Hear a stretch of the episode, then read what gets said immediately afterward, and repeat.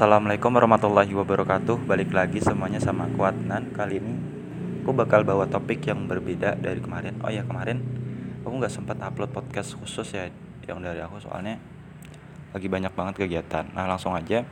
Apa sih topik yang menarik itu? Kali ini aku bakal review buku. Oke mulai hari ini aku bakal review buku terus.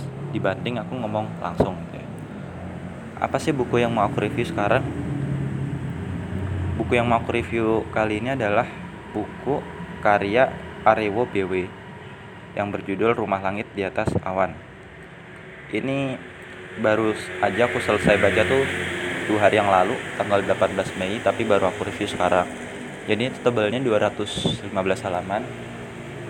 Aku lupa penerbitnya siapa tapi aku dapat buku ini di Ipusnas. Kalian download aja aplikasi Ipusnas ya kan. Udah terus terus buat akun cari deh buku ini rumah langit di atas awan. Jadi dikisahkan bahwa langit di sini tuh orang ya, bukan langit dalam makna sebenarnya. Langit di sini orang, dia tuh di ceritanya tuh nggak punya orang tua, maksudnya orang tuanya dibilang udah meninggal. Jadi dia tinggal sama siapa? Dia tinggal sama kakek neneknya. Gitu kan? Terus dia kuliah, dia punya temen namanya Claudis.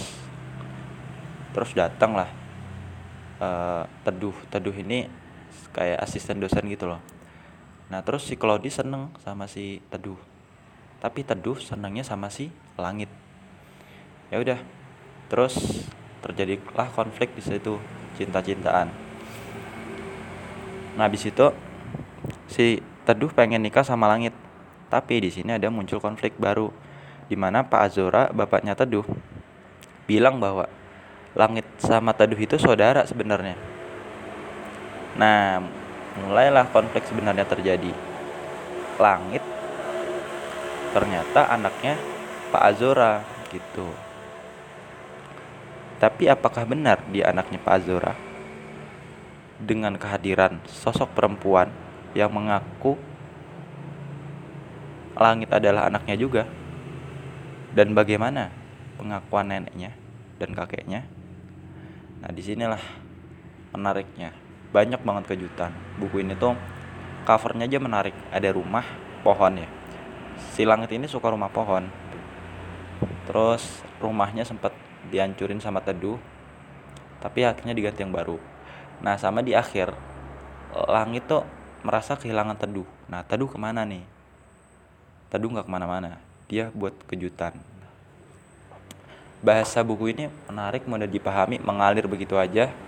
Cuma kekurangannya mungkin uh, cerita yang apa ya kurang berenergi gitu tokohnya.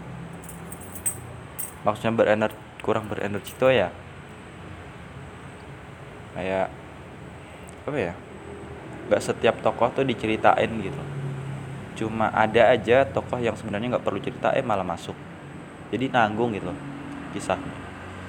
Sama kalau baca ebook tuh sebenarnya banyak banget kelemahannya dibanding kita baca buku langsung. Cuma kalau ada punya ebook ya udah terlebih buku yang asli itu kan mahal. Iya aku memutuskan untuk tabung dulu deh buat beli buku asli. Kapan-kapan deh beli buku asli gitu. Oke sekian aja review dari aku. Tadi kan udah aku kasih ya uh, statement-statement yang buat kita penasaran gimana kelanjutannya? Makanya download aja di Ipusnas buku yang judulnya Rumah Langit di Atas Awan. Sekian review buku dari aku. Sampai jumpa di review berikutnya. Wassalamualaikum warahmatullahi wabarakatuh